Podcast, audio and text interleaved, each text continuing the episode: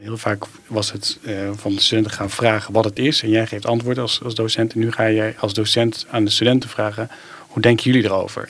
Of zoek het uit of ga naar de expert toe. En dat is een hele andere manier dat je de studenten toch echt veel zelfstandiger maakt. En proactiever laat meedoen aan het onderwijs. Uh, waar ze dan zelf ook ervaren van als ik het niet doe, uh, dan schieten we er niks mee op.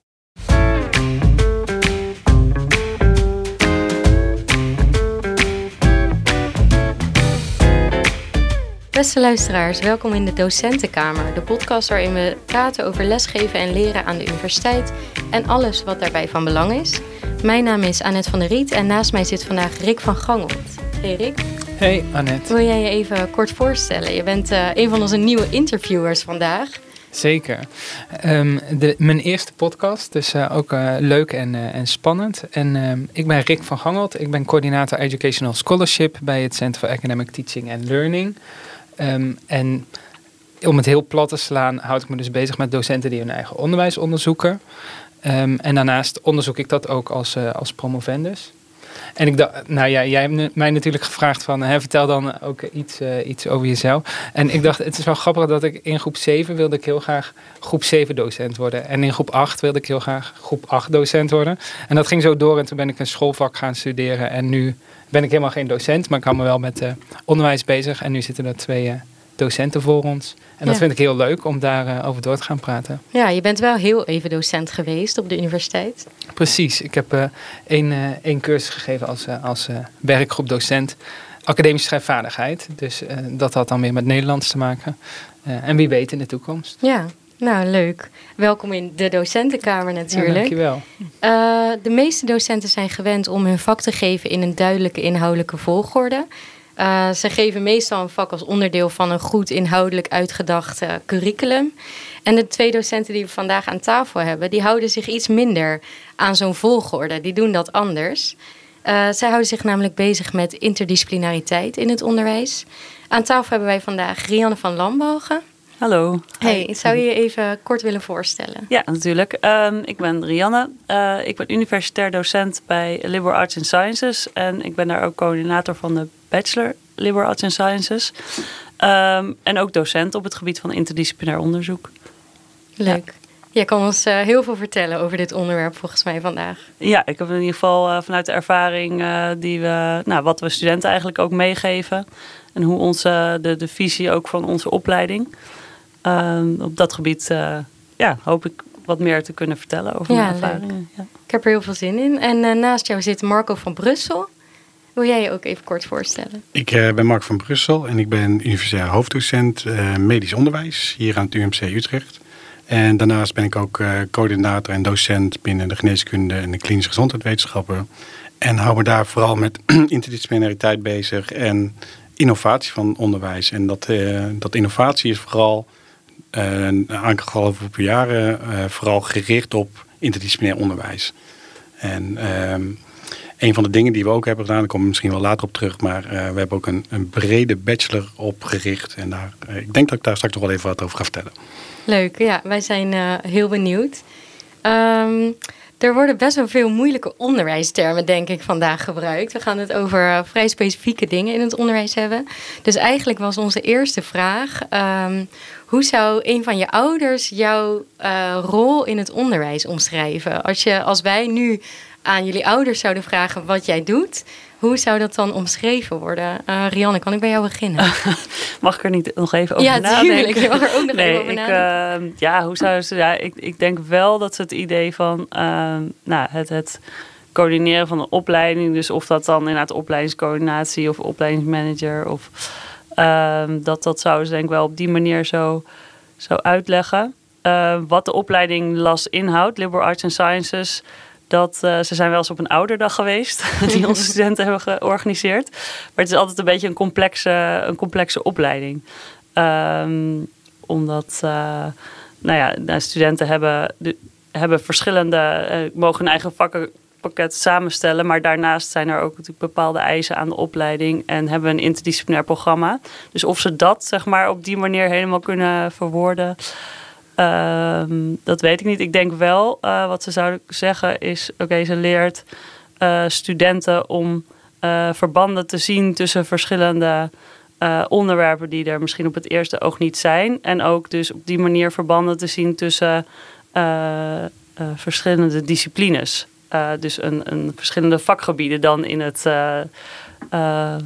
ja, die er aan de universiteit mogelijk zijn. Dus ja. Ja. Ik vind het al vrij helder. Jij? Ja. Waarom zeggen ze dat dan wel over die verbanden? Praat je daar veel over? Ehm, ja, dus dat is denk ik een manier om interdisciplinair onderwijs ook wat, wat uit te leggen.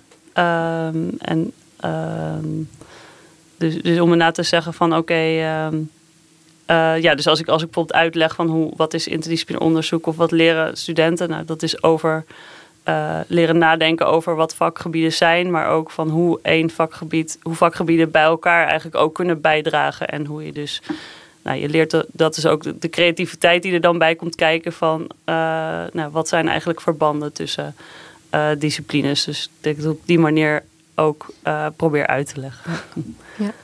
En Marco, is dat voor jou? Ja, ik denk dat, het, dat ze het heel lastig vinden om uit te leggen wat ik doe. Ze, hebben wel, ze weten dat iets met de gezondheidszorg en dat je studenten opleidt tot een, tot een beroep. Uh, en dat, uh, nou, we hebben het er wel vaker over, dat, uh, dat we meerdere universiteiten en meerdere opleidingen bij elkaar gaan brengen. Nou, zo zouden ze denk ik gaan uitleggen. En dan, dan houdt het denk ik wel op als we die termen over interdisciplinariteit en common ground, dat, dat daar houden ze wel van, van, daar houden ze niet van denk ik. Of ze weten niet eens wat het is. ja. Ik denk dat ze al blij kunnen uitleggen dat, dat, dat je dat doet als een van je onderdelen van je onderwijs. Ja. Dus, ja. ja. Nou, dan gaan we nu denk ik over om het echt daadwerkelijk aan jullie te vragen. Um, want wat betekent het begrip interdisciplinair onderwijs eigenlijk? Uh, Rianne, kan ik bij jou uh, daarvoor zijn? Um, ja, voor mij betekent het uh, de, dat je eigenlijk kan nadenken over bepaalde disciplines. Dus dat je ook het perspectief van disciplines en vakgebieden dus leert bekijken. Ehm, dat je eigenlijk begint vanuit een, een, complexe vraag. Dat is ook nog wel belangrijk om te noemen. Dat dus in interdisciplinair onderwijs, in ieder geval wat, hoe wij dat geven bij last, dat het uitgangspunt eigenlijk is van wat zijn de vragen die er spelen in de maatschappij ook. Omdat, ja, wat zijn de complexe vragen die je niet met één discipline kan uh, beantwoorden. En waar er dus meerdere uh, invalshoeken voor nodig zijn, zeg maar. Dat, daar begint het bij. En dan is het dus uh, ja, wat betekent interdisciplinair onderwijs eigenlijk? Dat je vanuit zo'n vraag gaat kijken hoe kan ik die vraag benaderen en hoe kan ik er ook voor zorgen dat die disciplines bij elkaar uh, tot, tot een geheel, uh, wij noemen dat dan more comprehensive understanding. En dan kom je bij zo'n ingewikkelde term misschien, maar het gaat eigenlijk meer om een beter begrip van zo'n complexe vraag kunnen beantwoorden. En dat studenten ook gaan kijken van, nou, ook altijd eigenlijk. Ehm, samen. Je kunt ook in, in, alleen, kun je ook interdisciplinair uh, onderzoek doen. Maar voor mij betekent het wel dat studenten ook uh, vanuit verschillende perspectieven met elkaar bijdragen. En ook samen, gaan samenwerken aan zo'n complexe vraag. En dan die disciplinaire perspectieven gaan integreren met elkaar. Ja. En dat is dus eigenlijk vanuit het idee dat je zo'n complexe vraag misschien niet vanuit één discipline kunt beantwoorden. Ja, klopt. ja. ja. ja. En um, waarom ga je je als docent bezighouden met interdisciplinair onderwijs? Hele goede vraag. Ik denk dat het, omdat het super interessant is, ook voor uh, docenten zelf. Het is uh, interdisciplinair onderwijs geven en ontwikkelen is ook een beetje spannend. Je bedoel, je geeft het handen, je weet eigenlijk niet waar je heen gaat. En dat is denk ik het leuke van het interdisciplinaire. Je gaat echt met een complex probleem of uitdaging ga je aan de gang. En dan laat je de studenten samenwerken. En proactief samenwerken, dat is echt een heel belangrijk iets. Uh, maar je weet niet wat de kaders zijn. Dus je weet niet waar je heen gaat. En uh, dus uh, dat hoor je soms ook wel van andere docenten. Die vinden het wel spannend, want ze hebben geen docenthandleiding. En ze weten niet waar ze de kaders moeten aanbrengen. Maar dat maakt het juist ook heel leuk. Je gaat echt de realiteit opzoeken van... hoe kan je nou vanuit verschillende invalshoeken naar een probleem kijken... en kan je van elkaar leren en kan je dat elkaar versterken. Dus dat is het leuke. Je gaat echt disciplines bij elkaar brengen die soms kunnen botsen, maar van het botsen kunnen ze weer heel veel leren. Ja. En dat maakt echt uh, dat het onderwijs echt anders is dan wat voorheen werd gegeven. Ja, ja en ook het, uh, dat, dat ze ook leren reflecteren bijvoorbeeld op hun eigen discipline. Uh, dus dan bijvoorbeeld bij LAS, Liberal Arts and Sciences, hebben studenten dan hun eigen specialisatie. Ehm, maar ja, dat, wat betekent nou die specialisatie? Dus hoe kijkt nou dit, deze, deze opleiding naar de wereld? En ehm, nou, dat, dat brengt het ook weer extra mee, zeg maar. In plaats van dat je wel gewoon... Je kan een disciplinaire bachelor doen. Dat geeft natuurlijk ook heel veel verdieping en interessante inzichten. Maar het is ook interessant om te kijken van... nou, wat betekent het nou dat ik in deze discipline onderzoek heb gedaan? Of wat is die discipline? Dat krijg je ook vaak door. Ja. We leggen heel vaak voor van leg eens uit wat je discipline is. En dan komen ze meestal niet uit. Want ze hebben wel gekozen voor een studie. Dat is dan een discipline. Mhm. Maar wat houdt het nou precies in? En dan, dan lopen ze al vaak, heel vaak vast. Ja, wat is dan precies? En dan als je dan ook nog andere disciplines neerlegt, dan, uh, dan vindt iedereen het een beetje een ijsbreker van... oké, jij weet ook niet precies wat het is. Dus we zullen maar samen op zoek gaan naar waar we, uh, wat, waar, hoe we opgeleid zijn... om tot uh, een, een, een soortzelfde weg te komen. En dat is wel heel leuk om te zien. En, en die oefening heb, heb ik zelf ook ooit een keer gedaan. Uh, dat ik zelf mijn eigen discipline moest beschrijven. Ja, ik kwam er ook niet 100% uit. Het Ja. is echt zo moeilijk om... Ja, is een alomvattend eh, antwoord wat je dan moet geven. ja. Ja. En kunnen jullie misschien een voorbeeld noemen van, eh, nou ja, bijvoorbeeld reflecteren op zo'n eigen discipline en een probleem wat wordt opgelost met meerdere disciplines, zodat we het even iets concreter maken wat interdisciplinariteit nou is? Ik kan wel een succesverhaal vertellen. We, we doen, Nou, eh, we hebben een bepaalde cursus gedaan. Ik ga dan niet in op de cursus, maar dat is eh, een cursus geweest binnen de SUMMA. En dat is de, meer de wetenschappelijke variant van de geneeskundeopleiding. En daar zijn ze echt met een complex probleem vanuit de patiënt begonnen. Dus echt een patiëntprobleem eh, die best moeilijk eigenlijk niet op te lossen op dit moment is. En daar zijn studenten van de Technische Universiteit, eh geneeskundestudenten, biomedische wetenschappen en Wageningen Universiteit eh, zijn bij elkaar gezet om die samenwerking op te zetten. Begin maar met een soort proposal te schrijven van hoe je eh, deze uitdaging kan benaderen. En het leuke daarvan is dat, eh, dat men in het begin een beetje zoekend zijn, maar dan ook een versnelling ingaan. En dat is ook wel het verschil tussen monodisciplinair, waar je echt gericht kennis en vaardigheden gaat leren. Hier gaan mensen hun intrinsieke motivatie vinden. Dus dit vind ik interessant om uit te zoeken. Wat heeft geleid tot, eh, nou, waar we hebben gekeken, daar ging over dialyse, ging het hier. Dat studenten naar Amerika, hoogleraren gingen aanschrijven van, weten jullie iets over natuurlijke membranen die we kunnen gebruiken, waar de reacties terugkwamen van, zo hebben we er nog nooit naar gekeken. Dat gaan wij als experiment in het lab doen. Nou, en dat is, dat is echt revolutionair, dat je eh, de studenten eh, zo laat nadenken, out of the box denken, zeg maar. Waar ook de experts en de professionals eh, van denken van, oh ja, dat, dat is interessant. Die, die hoek hebben wij nog helemaal niet bekeken. En dat zou echt wel een mogelijke oplossing of een richting tot de oplossing kunnen zijn. Ja. Ja, Ja. bijzonder dat, eh, dat studenten dan echt tot iets komen wat, wat jij hen als docent eigenlijk helemaal niet zou kunnen vertellen. Nee, en veel dieper de stof ingaan eh, dan je waarschijnlijk als basis eh, in de opleiding aangeeft. Ja. Omdat ze het zo interessant vinden. Ze zeggen, we gaan echt tot in detail. En we gaan experts vragen. Ja, weet je, dat, dat geef je niet als onderwijs mee. Dat gaat veel dieper dan de reguliere stof die je aanbiedt. Ja. ja, het is ook mooi dat ze dan inderdaad vanuit hun intrinsieke motivatie echt gaan, eh, nou, om, gaan op zoek gaan naar antwoorden. En ja, misschien ook juist omdat het een complexe vraag is die speelt in de, in de maatschappij. Ja. Ja. Maar dat is niet altijd zo hoor. Het is ook soms dat ze wel vastlopen. Maar eh, eh, het is ook net wat het doel van je onderwijs is. Kijk, als het doel echt is een oplossing te zoeken, dan moet je een stapje verder gaan. Maar heel vaak is het doel ook gewoon. Probeer maar eerst die samenwerking te vinden. Dus ga maar eens met andere disciplines samenwerken om het te ervaren hoe het is.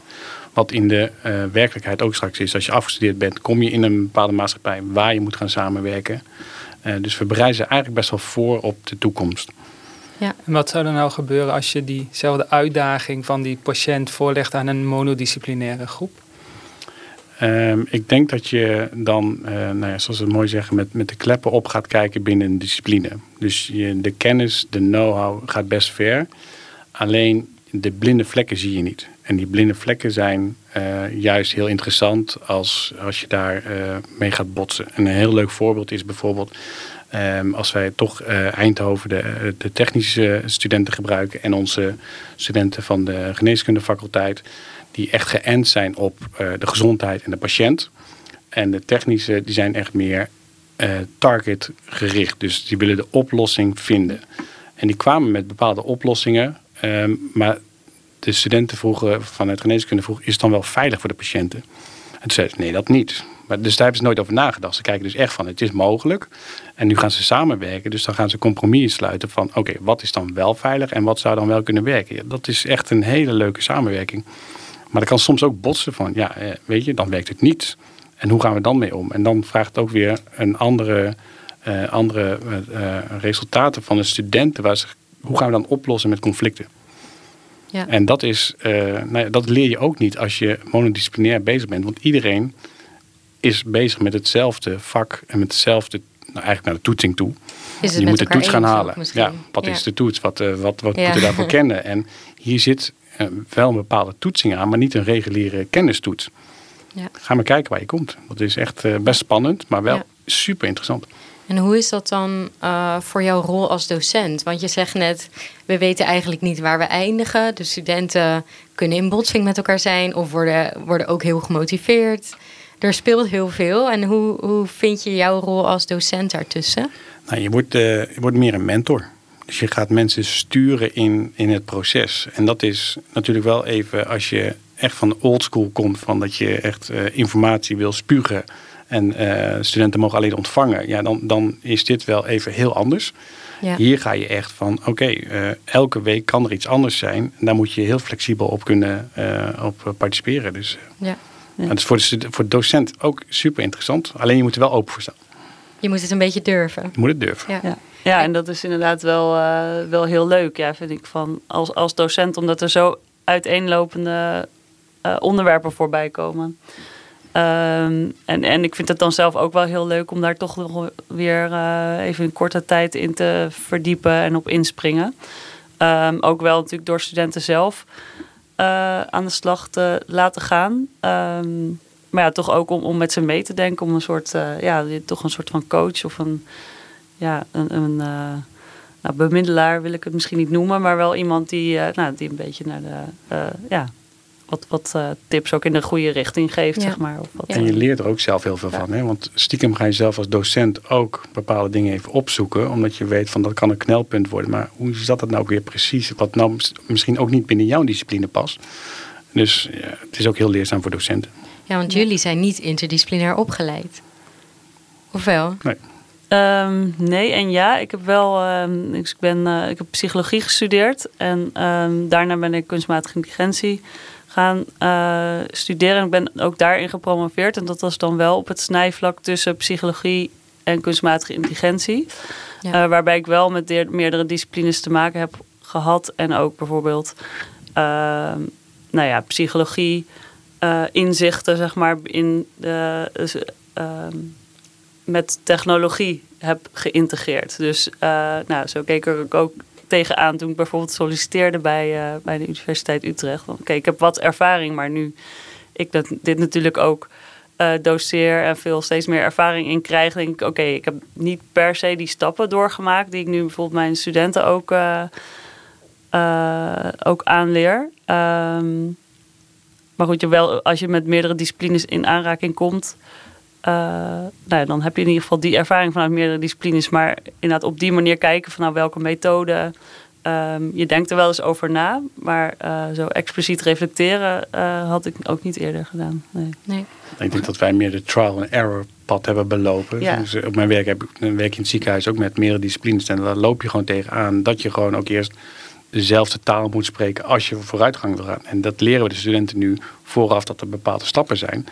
Die had ik ook heel graag gewild. Uh, en die wil ik ook nog wel eens aan mijn mede uh, uh, collega's uitleggen van waarom dat zo belangrijk is. Dus die stap die wij maken hier, denk ik als docenten, kunnen wij ook, kan ik ook in mijn eigen werk goed gaan gebruiken. En die, die vertaalslag wil ik ook gaan maken. Dat is ook echt het leuk dat je eigenlijk alle kanten op kan. dat je niet alleen studenten hebt, maar ook collega's en eigenlijk veel meer. eigenlijk in de maatschappij ook mensen moet gaan betrekken. Ja. Rian, eh, eh, toen jij eh, een definitie gaf van interdisciplinariteit, toen begon je eigenlijk met een reflectie op het vakgebied. En daarna ging je naar die complexe vraagstukken. En dat hoor ik jullie nu al een paar keer zeggen. Kun je daar iets. Dus het lijkt me een goed gevolg van interdisciplinair samenwerken. Dat je reflecteert op je vakgebied. Maar het lijkt alsof jullie praten over een soort van uh, premisse. Ja. Um, Ja, het is ook niet, denk ik, zo uh, rechtlijnig van dat doe je eerst en daarna doe je de rest. Ik denk dat die reflectie ook constant, dat is sowieso al een heel belangrijk onderdeel van interdisciplinair onderwijs, om die reflectie ook telkens uh, terug te laten komen op je eigen disciplines, maar ook op andere disciplines. Maar weten bijvoorbeeld wat een, hoe je een complexe vraagstuk, vanuit welke disciplines je dat kunt oplossen, is ook, nou, daarvoor is het ook belangrijk om te weten wat zijn die disciplines en wat doen die disciplines en welke vragen beantwoorden ze. Uh, wat voor methoden gebruiken ze bijvoorbeeld, wat voor aannames worden er gedaan. Dus ja. Um, en dan een, een, uh, ja, een, een evaluatie van de, van de eigen discipline is ook wel, wel een goede stap om te weten van, oh ja, maar uh, ook wat, wat jij ook aangaf, Marco, dat is, dat is best ingewikkeld, zeg maar, om te doen. Het is niet zo makkelijk van dit is mijn discipline klaar of zo. Dus we hebben dat ook wel eens bij, uh, bij docenten gedaan en die vinden dat ook moeilijk, zeg maar, vanuit een discipline daar zo over nadenken. En wat zijn die andere stappen voor interdisciplinaire samenwerking? Um, nou, dus eigenlijk, dus, um, uh, dat is wat wij, wat wij dan gebruiken voor het geven van, van het, voor het doen van interdisciplinair onderzoek en, het, uh, en dat gebruiken in het onderwijs. En er zijn verschillende methoden. Dus het is niet dat dat de enige methode is die wij uh, gebruiken. Maar um, daar, daarbinnen we gebruiken het boek van Repco en Zoostak. wat je waarschijnlijk in de leergang hebt gekregen. Um, dus, dus daarin begint bij een complexe vraag. Uh, nou, er worden ook een aantal kenmerken van uh, complexe vragen genoemd. Um, vervolgens ga je eigenlijk kijken, nou, welke disciplines zijn dan um, bij betrokken? Um, en dan in ons geval, dus dat is eigenlijk het ideale proces. Uh, in de praktijk gaat het, nog, gaat het soms nog wel, wel anders. Maar in ieder geval dan kijk je van nou, welke disciplines zouden deze vraag goed kunnen beantwoorden. En vervolgens gaan eigenlijk de studenten in uh, hun eigen discipline kijken hoe ze de vraag zouden beantwoorden. Die inzichten die ze dan daaruit hebben opgedaan, uh, daar gaan ze over met elkaar in gesprek. En gaan ze kijken van waar zien we eigenlijk conflicten, verschillen tussen de disciplinaire inzichten en waar zien we overeenkomsten en waar komen ook die verschillen die we zien vandaan of zo. Dus ehm, bijvoorbeeld neuropsychologie heeft een bepaald inzicht dat nou ja, dat gedrag vanuit de hersenen kan worden verklaard. Um, terwijl misschien een antropoloog zegt van oké, maar dat gedrag dat is een combinatie van wat er in de, van de eigen context eromheen en van de mensen en de uh, omgeving. Um, nou, zou je kunnen zeggen dat is eigenlijk een conflict. En um, nou, in de integratie, dus in het, in het um, dan, dat noemen wij dan common ground.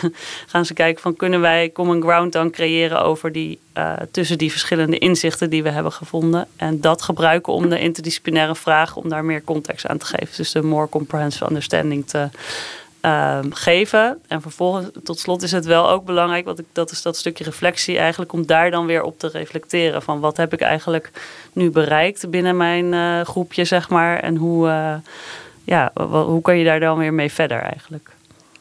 En is het doel altijd een oplossing vinden of is het doel ook soms enkel elkaar beter begrijpen?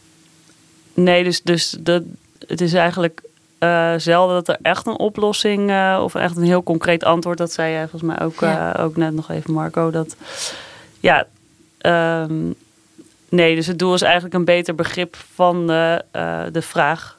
Um, ja. En ideaal gezien, maar dat, uh, ja, daar heb je dan helaas niet zoveel tijd meer voor. Om, ga je dan ook vanuit daar weer verder van hoe nou ja, om, om nog meer, om dat misschien juist wel de oplossing te onderzoeken. Ik denk ook dat het ligt aan wat voor een soort onderwijs je kan aanbieden, hoeveel tijd je ervoor hebt, uh, in welke fase van het onderwijs het zit. Daar zit echt nog wel verschil in van wat je aanbiedt. Uh, we hebben ook verschillen dat we, we zijn nu ook begonnen dat we langzaam in de bachelor ook dingen gaan doen. En dan gaat het echt om die samenwerking. Dat is het belangrijkste doel. Dat hoeft ja. nog niet tot een oplossing te komen. Dat kunnen ze vaker in de vervolgstappen doen in keuzeonderwijs of in de master.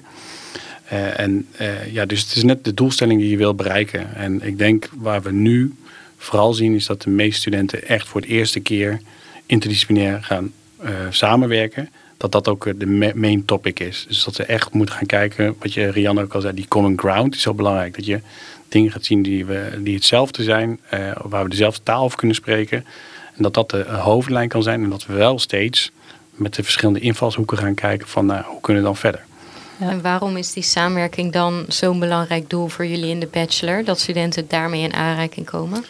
Ja, als zij niet kunnen samenwerken, dan, dan, uh, dan ga je in de toekomst denk ik wel problemen krijgen. En het ligt een beetje aan welk vakgebied je zit uh, en wat je uiteindelijk een beroep gaat worden. Maar ik denk in het merendeel van de beroepen na een opleiding wordt er wel gevraagd om met meerdere disciplines of uh, professies te gaan samenwerken. En als je dat al kan leren dat ze dat eh, in de basisopleiding krijgen, zullen ze dat meer van nature mee gaan nemen en dat ook als, als uh, nou ja, een onderdeel van de persoon meenemen. Ja. En dat hoop ik ook te gaan vertalen uh, in het werkveld wat daarna gaat volgen.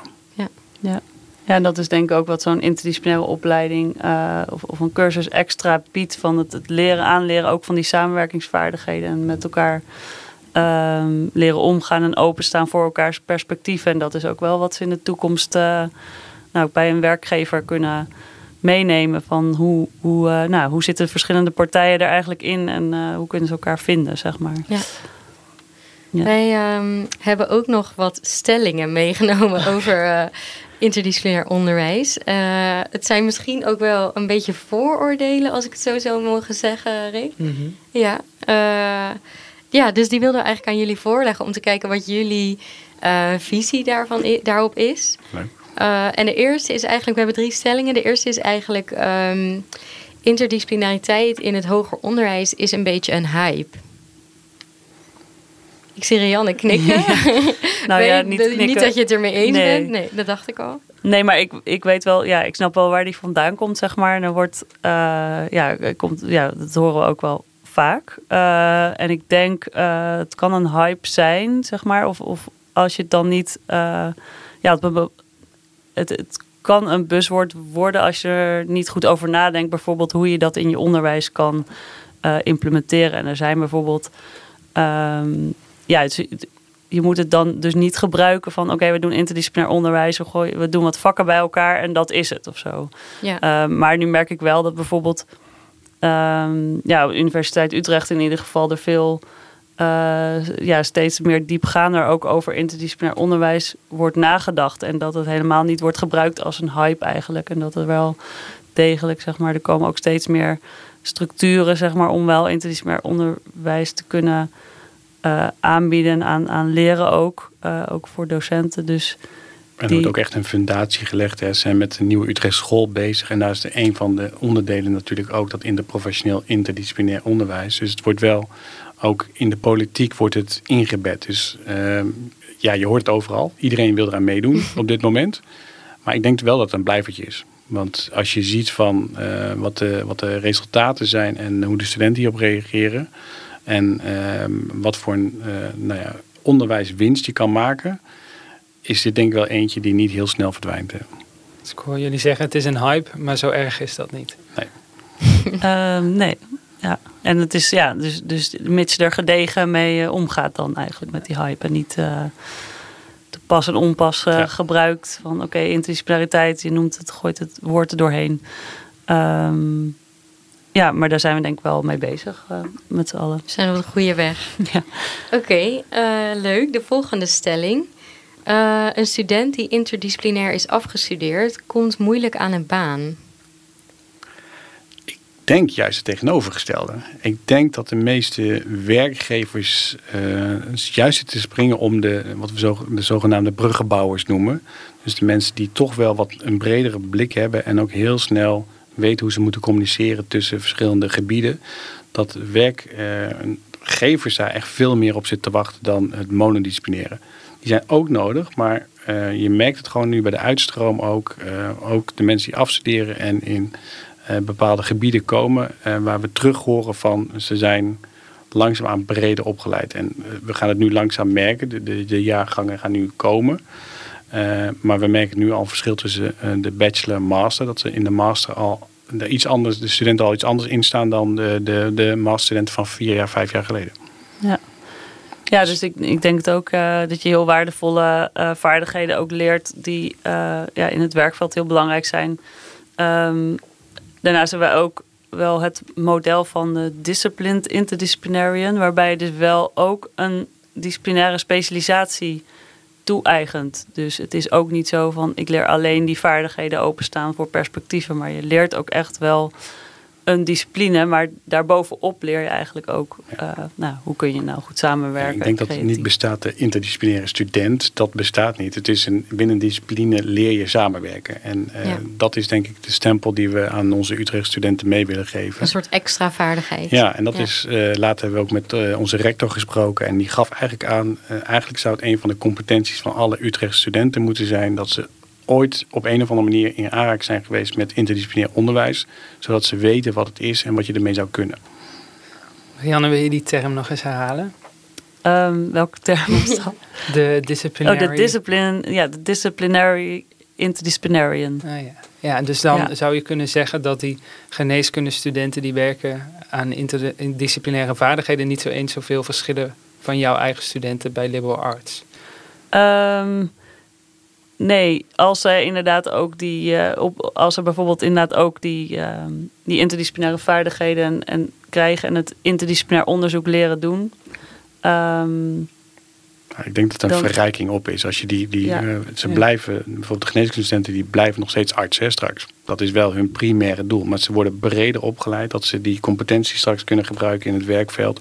Om sneller en efficiënter te werken, ook met andere zorgprofessionals. Dus je blijft een discipline. Uh, alleen erbovenop komt, nou, je krijgt eigenlijk een soort extra competentie erbovenop. Ja, ja en wat wij dan wel nog extra hebben, uh, is dat studenten ook verschillende vakgebieden bij andere faculteiten dan hun eigen specialisatie volgen. Dus ze komen daar wel vanaf jaar één ook mee in aanraking van oké, okay, uh, hoe, hoe um, ja, wat, wat zijn dan de verschillende vakgebieden? ook in ons, ons kerncurriculum beginnen we wel echt met oké, wat hoe kan je connecties maken? Maar um, dus het wordt een soort van ze eigenlijk misschien wel vanaf jaar 1 toe. Maar dat kan ook prima in een, uh, een uh, meer gespecialiseerde opleiding. Als je dat ook vanaf, ja, vanaf het eerste moment eigenlijk ook gewoon uh, inbedt. En, en dat, dat idee van oké, je hebt verschillende perspectieven en daar kan je open tegenover staan. En dat is ook relevant. En horen jullie ook wel eens van studenten hoe zij hiermee omgaan als ze de arbeidsmarkt gaan betreden? En eh, vinden studenten dit lastig om te zeggen van dit kan ik, hier ben ik nou ja, gespecialiseerd in? Of uh, als zij naar een sollicitatie gaan bijvoorbeeld? Ja. Um, ja, misschien is dat bij onze opleiding, bij LAS is dat wel... Uh, hebben studenten daar wel moeite mee, met name eerstejaars ook gewoon om uit te leggen van wat doen we eigenlijk en... Um, ze, ze gaan wel met elkaar en met ons natuurlijk over in gesprek van wat voegen wij eraan toe. Um, ook omdat het natuurlijk een, een, uh, ja, een, bacheloropleiding is waarvan je niet meteen denkt van oh ja, dus dat, dat studeer je. Dus misschien kan me voorstellen dat bij, dat bij geneeskunde net iets anders ja, maar daar komen de studenten jaar één ook binnen van ik ga patiënten zien uh, en ik word arts. En die hebben hier nog niet eens over nagedacht. Mm -hmm. uh, maar dan moet je wel met, uh, met een bepaald verwachtingsmanagement komen. Dus als je gaat uitleggen waarom we het doen. En ook heel duidelijk kunnen leggen dat je met andere zorgprofessionals gaat samenwerken. Dan gaat het kwartje heel snel vallen en dan zien ze de meerwaarde er ook van in. Ja. Ik denk nog niet dat we zo ver zijn dat we de eerste ronde van studenten um, nu uh, aan het solliciteren zijn, dus echt kunnen zeggen, we zijn ook, uh, nou ja, we, zijn, we hebben in ieder geval ervaring met interdisciplinair uh, samenwerken. Die gaan nog komen, maar ik denk dat het wel een plus is. Ja. Dat, ik kan me alleen maar voorstellen, ook vanuit mijn eigen klinisch vakgebied, dat je dat soort studenten eigenlijk net iets liever wil hebben dan de hele super gespecialiseerde. En met de super gespecialiseerde is het ook prima, maar als we maar kunnen samenwerken. Ik denk ja. dat samenwerken een heel belangrijk onderwerp van interdisciplinariteit is. Ja. Je zei net al, het is een beetje een uh, add-on op, op een, bijvoorbeeld op een geneeskundestudie, ook interdisciplinaire vaardigheden.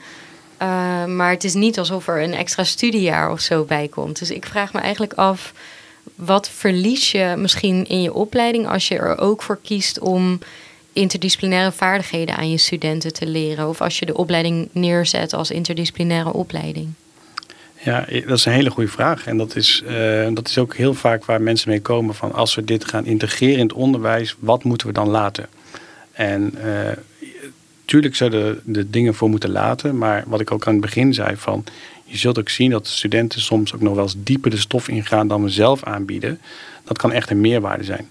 Alleen het is aftasten van uh, welke kant gaat het op. Uh, maar je ziet heel vaak dat er geïntegreerd wordt met al bestaande eh, onderwijs. Dus dat het, eh, de kennis anders verpakt wordt.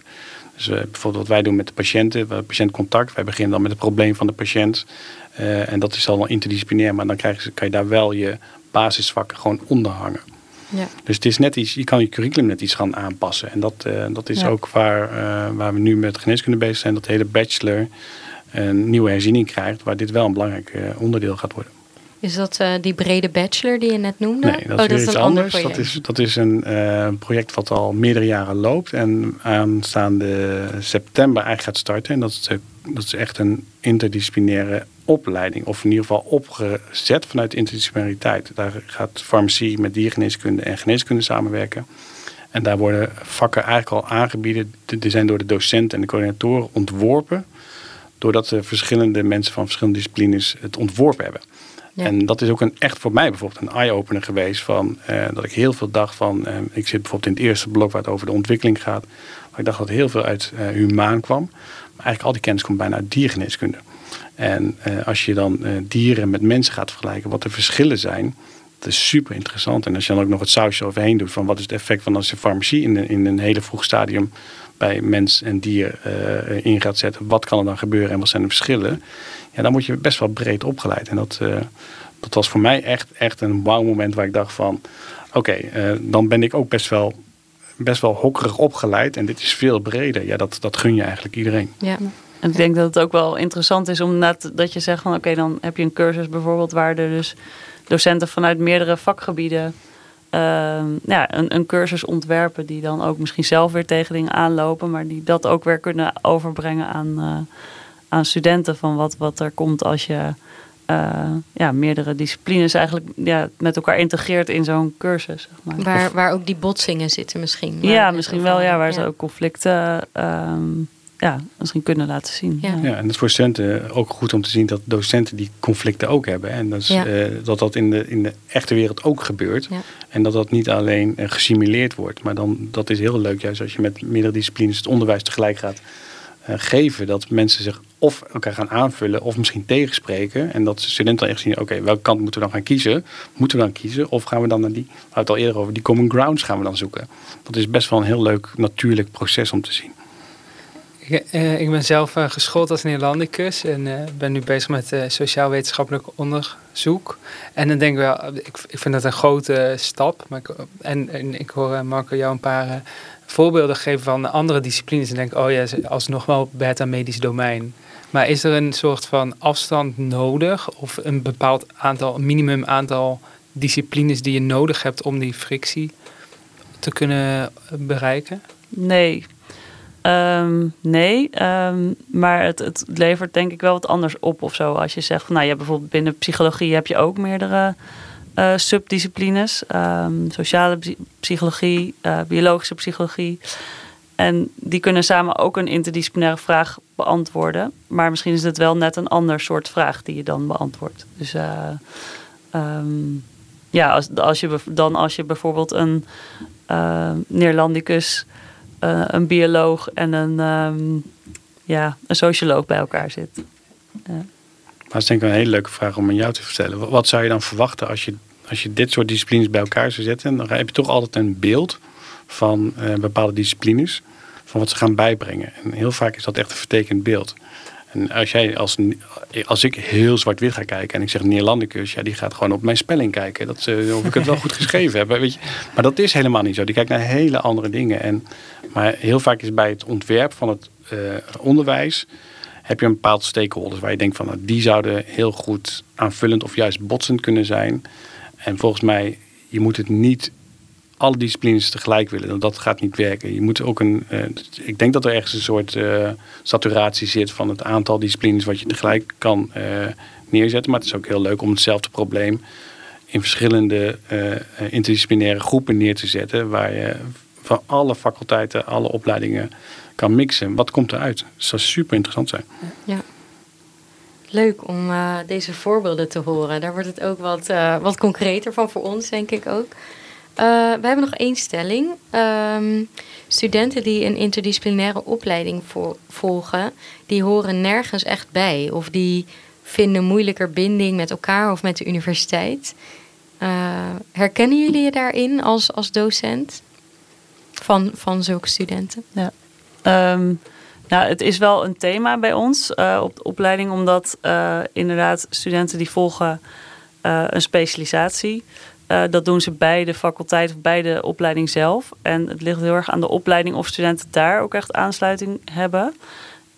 en um, het ligt ook aan de student of ze zeg maar, dan nog wel verbinding hebben met, met de LAS community. Zeg maar. Dus wij, willen, wij denken daar wel elke keer over na van hoe um, kunnen we dat gevoel nog wel versterken. Dus vooral in het eerste jaar is het iets minder een probleem, maar vooral in het tweede jaar en het derde jaar, hoe kunnen we nog wel steeds het eh, gevoel versterken? Het is ook niet altijd nodig dat ze zich ook met onze opleiding verbonden voelen, maar wel dat ze zich ergens thuis voelen. En um, ja, dat verschilt ook per student waar dat zeg maar, ideaal gezien is. Maar het is wel een thema bij ons op de opleiding.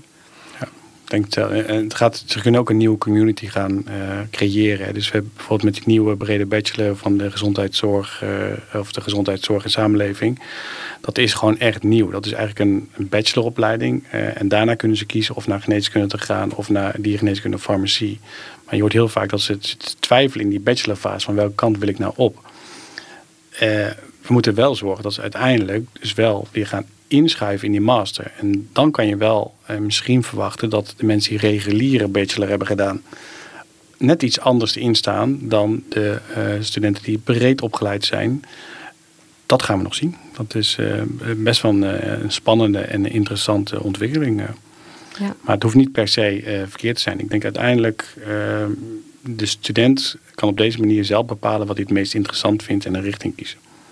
En dat is ook gewoon een heel belangrijk onderdeel van het leven op de universiteit. Absoluut. En ook daarna, je, je werk uiteindelijk moet je leuk vinden, denk ik. Als je nog uh, tot je 72 moet werken, dan uh, moet het toch wel enigszins leuk zijn. Uh. Ja. Ik hoor best wel veel dingen die volgens mij een hele grote impact hebben op, op onderwijs. Dus het is echt wel een hele andere manier van onderwijs geven dan hoe de universiteit het nu gewend is. De rol van een docent is anders. Je moet aan veel specifieke dingen ook aandacht besteden. Ehm, kost het, het vormgeven of het geven van een interdisciplinaire opleiding meer tijd en geld voor de universiteit? Of ik zie een beetje schuldige Mijn ervaring is, is uh, als je van scratch begint, uh, kost je heel veel tijd. Ja. En vooral als je ook uh, met verschillende faculteiten en verschillende universiteiten gaat samenwerken. Ja, je moet toch een bepaalde baan nu gaan creëren, of, of, een pad gaan creëren die nog niet bestaat. En dan loop je echt tegen dingen. en dat heeft heel vaak met facilitaire dingen te maken. Van waar ga je het onderwijs geven? Past dat nou binnen de EC's van die universiteit of die universiteiten? Uh, dat, er zitten best wel wat kanttekeningen aan. Maar dat moet ook gewoon een uitdaging zijn om dat uh, te realiseren, een succes te maken. Alleen het kost veel tijd. En, ja. Uh, maar ja, ik denk dat het wel waard is. Ja, ja zeker. Ja, dus ik denk ook, er zijn gewoon uitdagingen. Ehm, ja, die, die meekomen um, naast zeg maar, de, de uitdaging die je als docent al, uh, al misschien ervaart. Van oké, ik moet een toets, uh, een, een, um, een, toets opzetten en daar een rubric van maken bijvoorbeeld. stel je brengt verschillende vakgebieden samen, dan is het ook nog, ja, moet je natuurlijk elkaar weer, weer kunnen vinden, zeg maar, en daar aandacht aan besteden. Um, dat komt er misschien dan nog naast, zeg maar. Uh, kijk, bij ons op de opleiding is het net iets anders, omdat wij echt natuurlijk als opleiding uh, ja, een heel andere structuur hebben dan een disciplinaire opleiding. Maar als je als disciplinaire opleiding zeg maar iets wil, iets extra's wil organiseren, um, ja, denk ik ook wel dat je dat ook vaak ja, misschien eerst vanuit een interne motivatie op dit moment nog, uh, nog moet doen. En, en dat de financiën, nou ja, denk, hoop dat dat wel ik denk dat we daar ook wel stappen in maken zijn. Maar en ik denk dat de universiteit moet meegroeien hierin. Hè? Kijk, het is een heel praktisch voorbeeld wat we nu aan het doen zijn, is dat wij twee opleidingen bij elkaar willen gaan zetten voor een openingscollege voor 450 man. technisch is dat echt moeilijk, want de roos, we waren het in januari wouden het plannen. Eh, de roosters worden pas in juni worden vrijgegeven en dan moeten de blokboeken al lang ingeleverd zijn. Dus uh, daar zitten we echt tegen dingen aan van ja, we gaan het heel flexibel opstellen, dat we wel in kunnen stellen. Maar dat zijn dingen wat ook nieuw is voor de roosteraars van de universiteit, maar ook gewoon het soort onderwijs wat we gaan aanbieden gaat andere faciliteiten vragen.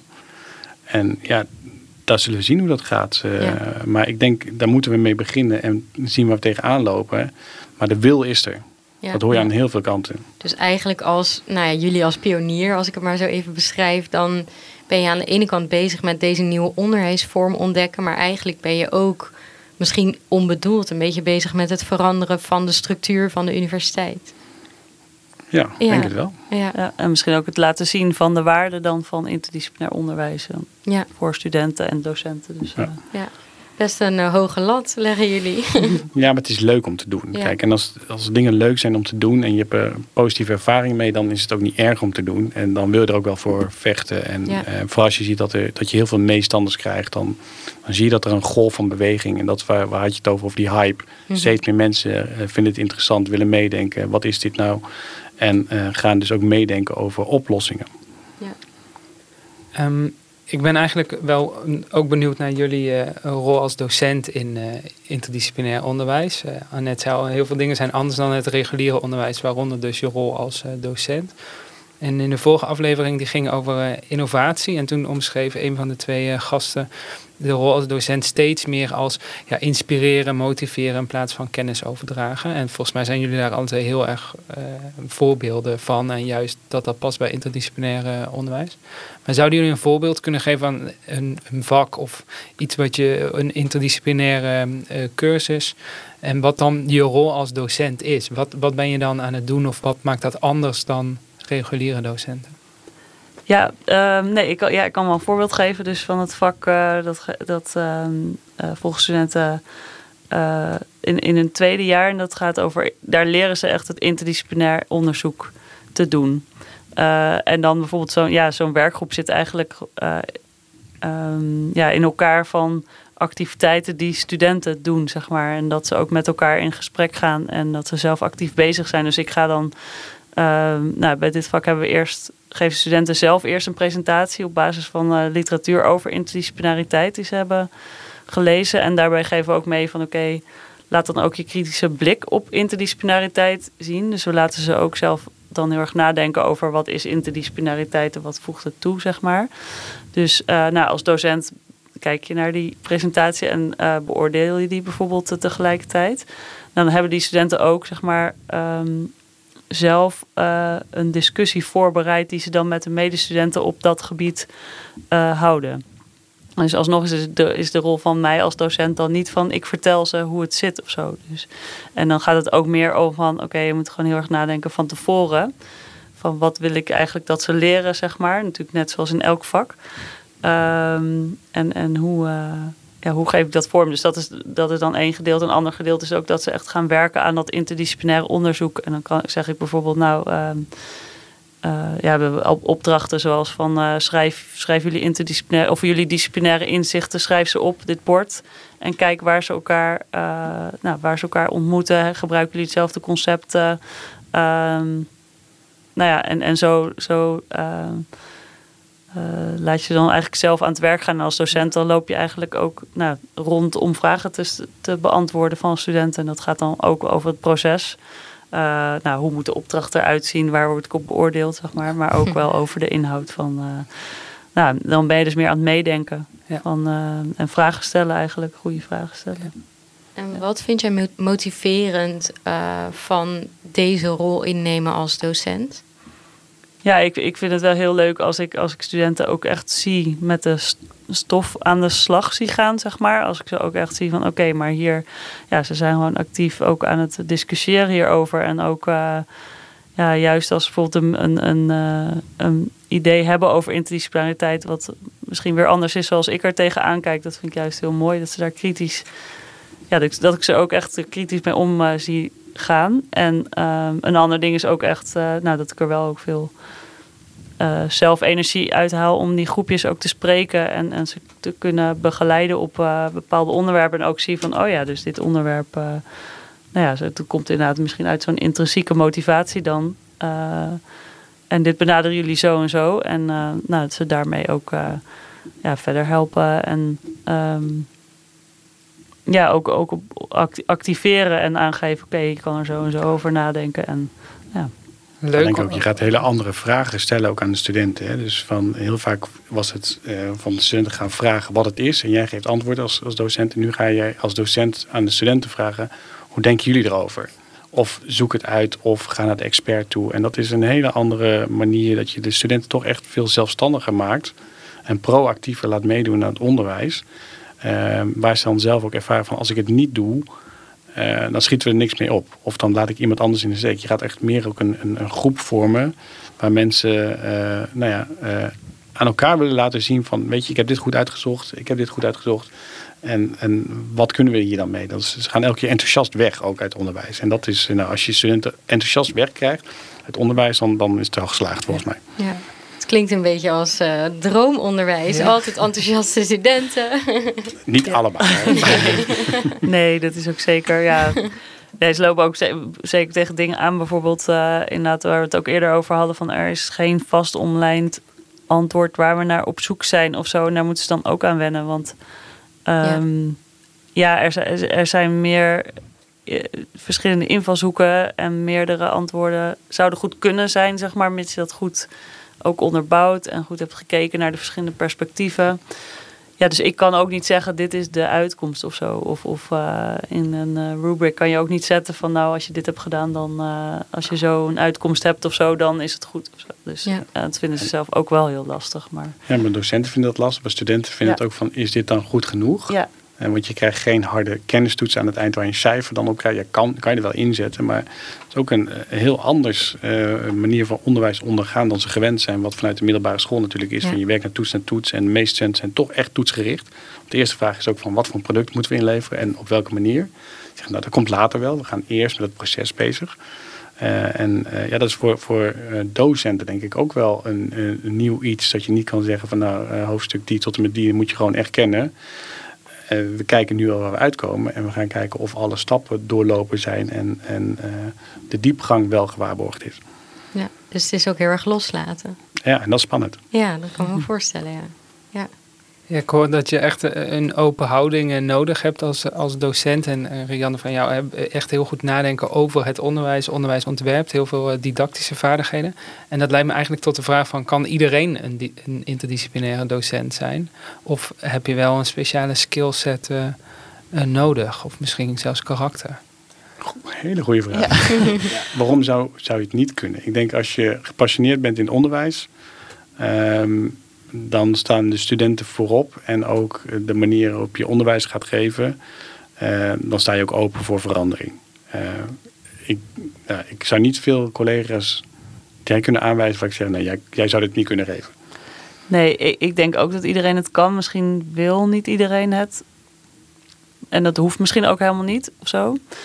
Um, en ik denk wel, ja, je zou dus wel zelf misschien een keer ook moeten kijken van oké, okay, hoe, hoe zou je dat kunnen doen? Of wat houdt het in? Kijk een keer mee of zo bijvoorbeeld. Ja. Um, en wat ook wel eens merken, soms zijn docenten zelf die... Uh, we geven ook wel eens um, zo'n soort uh, workshop binnen een cursus, zeg maar. Um, en docenten daar zelf zijn wat, min, wat onzekerder. Ook al hebben ze misschien vaak die workshop gezi ge ge gezien. Om het dan zelf te geven. Maar ja, daarvoor zou, zou ik dan zeggen van nou... Uh, probeer het toch. En uh, je, hebt het, ja, uh, je weet eigenlijk al wel wat er nodig is of zo. Dus ik denk wel dat iedereen, als ze ervoor openstaan, dat ze het kunnen doen. Maar ik ja. denk ook dat je de docenten moet doseren hierin. Ja. Dus uh, kijk, bepaalde cursussen worden nu ook ontworpen. Hè? Gewoon waar de, de basisprincipes worden aangegeven. Ik denk dat het heel goed is om die zelfverzekerheid aan de docent ook te geven. Van wat zijn de tools maar waar ik mee kan werken en waar kan ik op terugvallen. Dat, ja. dat als je dat niet hebt en je bent echt gewend om uh, alleen maar college te geven, dan is dit wel even een hele slag die je moet maken. Ja, ja dus in ondersteuning is er wel nodig en die komt er ook wel steeds meer in verschillende vormen. Uh, en ook steeds meer. Um, uh, nou, we hebben natuurlijk nu een uh, voor interdisciplinariteit. Dus waarbij we ook steeds er ook steeds meer wordt gekeken van oké, maar hoe kun je nou docenten de goede juiste weg opwijzen? Van hebben ze misschien vragen? Met wat voor vragen kunnen ze dan waar terecht, zeg maar. En er is dan uh, nou, bijvoorbeeld een leergang interdisciplinair onderwijs waar ze ook aan mee kunnen doen. Dus niet iedereen uh, hoeft het wiel opnieuw uit te vinden? Nee, zeker nee. niet. Nee. nee. Uh, we hebben het er net ook al even over gehad, maar ik wil eigenlijk afsluiten met de vraag: ehm, zouden alle studenten interdisciplinair onderwijs moeten volgen? Goeie vraag. Nee, wij zitten hier natuurlijk wel heel erg gebiased. Hè? ja, eh, ja, je noemde nou ja, net ook al de ik, rector ik denk natuurlijk. het, het ervaren ervan. eh, en de vraag is in, in hoe vaak en in hoe diep en, eh, en in eh, hoe geïntegreerd in het onderwijs moet het voorbij komen. Maar ik denk dat het goed is dat alle studenten wel het een keer mee hebben gemaakt. Van, eh, en in welk niveau dat dan ook beginnen tot, tot gevorderd. Ik denk dat het wel goed is om je, om je eh, blikveld te eh, verwijden door dit te doen. En waarom is het dan zo belangrijk dat alle studenten hun blik verwijden? Nou, omdat eh, precies wat we aangeven, het werkveld uiteindelijk eh, gaat steeds meer vragen. Dat zien we ook dat die complexiteit eh, van de maatschappij steeds meer toeneemt. En we hebben natuurlijk hele mooie voorbeelden van de COVID gehad. Dat kun je niet alleen oplossen vanuit een medisch perspectief, maar daar heb je allerlei facetten voor nodig. En dat hebben we ook met de global warming. Je hebt allemaal dat soort grote complexe problemen waar, je, waar men de samenwerking moet gaan zoeken om tot innovatieve eh, oplossingen te gaan komen. En als je dat al mee kan geven, dat ze openstaande houding hebben om naar anderen te luisteren en weten hoe ze kunnen samenwerken. Ik denk dat het echt een hele mooie toegevoegde waarde is voor elke student. Ja. ja, misschien kan ook inderdaad de vorm van het onderwijs ook wel eh, verschillen natuurlijk. Het hoeft niet allemaal zo intensief of zo. Eh, en ik denk ook zeker dat disciplinaire specialisatie wel heel veel, nou, heel veel ook kan, eh, kan brengen, zeg maar. Maar het daarop kunnen reflecteren ehm, is ook wel heel, eh, heel waardevol. Rick, heb jij eh, nog verdere vragen over eh, ik vind het een heel mooi beeld van opleiden voor de toekomst eigenlijk. Van waar gaan we onze studenten naartoe? En dat weten we eigenlijk nog niet. Maar we weten wel eh, dat we erin kunnen investeren om hen eh, met een brede blik weg, eh, weg te sturen. Ja. Dus ik zie er wel twee eh, enthousiaste docenten tegenover me die daar eh, aan bijdragen. Zeker. Ik vond het heel inspirerend om jullie visie op onderwijs te horen. Dus dank je wel daarvoor. Rick, bedankt voor de eerste keer aanschuiven hier als host in de en jij podcast. bedankt Annette. En ik wil ook nog even kort heel snel een rondje doen eh, met een paar namen van mensen die de podcast ondersteunen. Dus Anne Geesink, Jasper van Burken, Marius Kooi en Mirjam van der Kraats ook bedankt. Eh, de podcast wordt ontwikkeld in het kader van het Lustrum van het Center for Academic Teaching and Learning. Eh, dat plaatsvindt in oktober, dus tot en met dan gaan we allemaal leuke voorbeelden laten zien van inspirerend onderwijs eigenlijk. En ehm, nou, ik heb alweer zin in de volgende. Bedankt dat jullie hier waren. Dankjewel. Dank jullie wel. Ciao. Tot dan.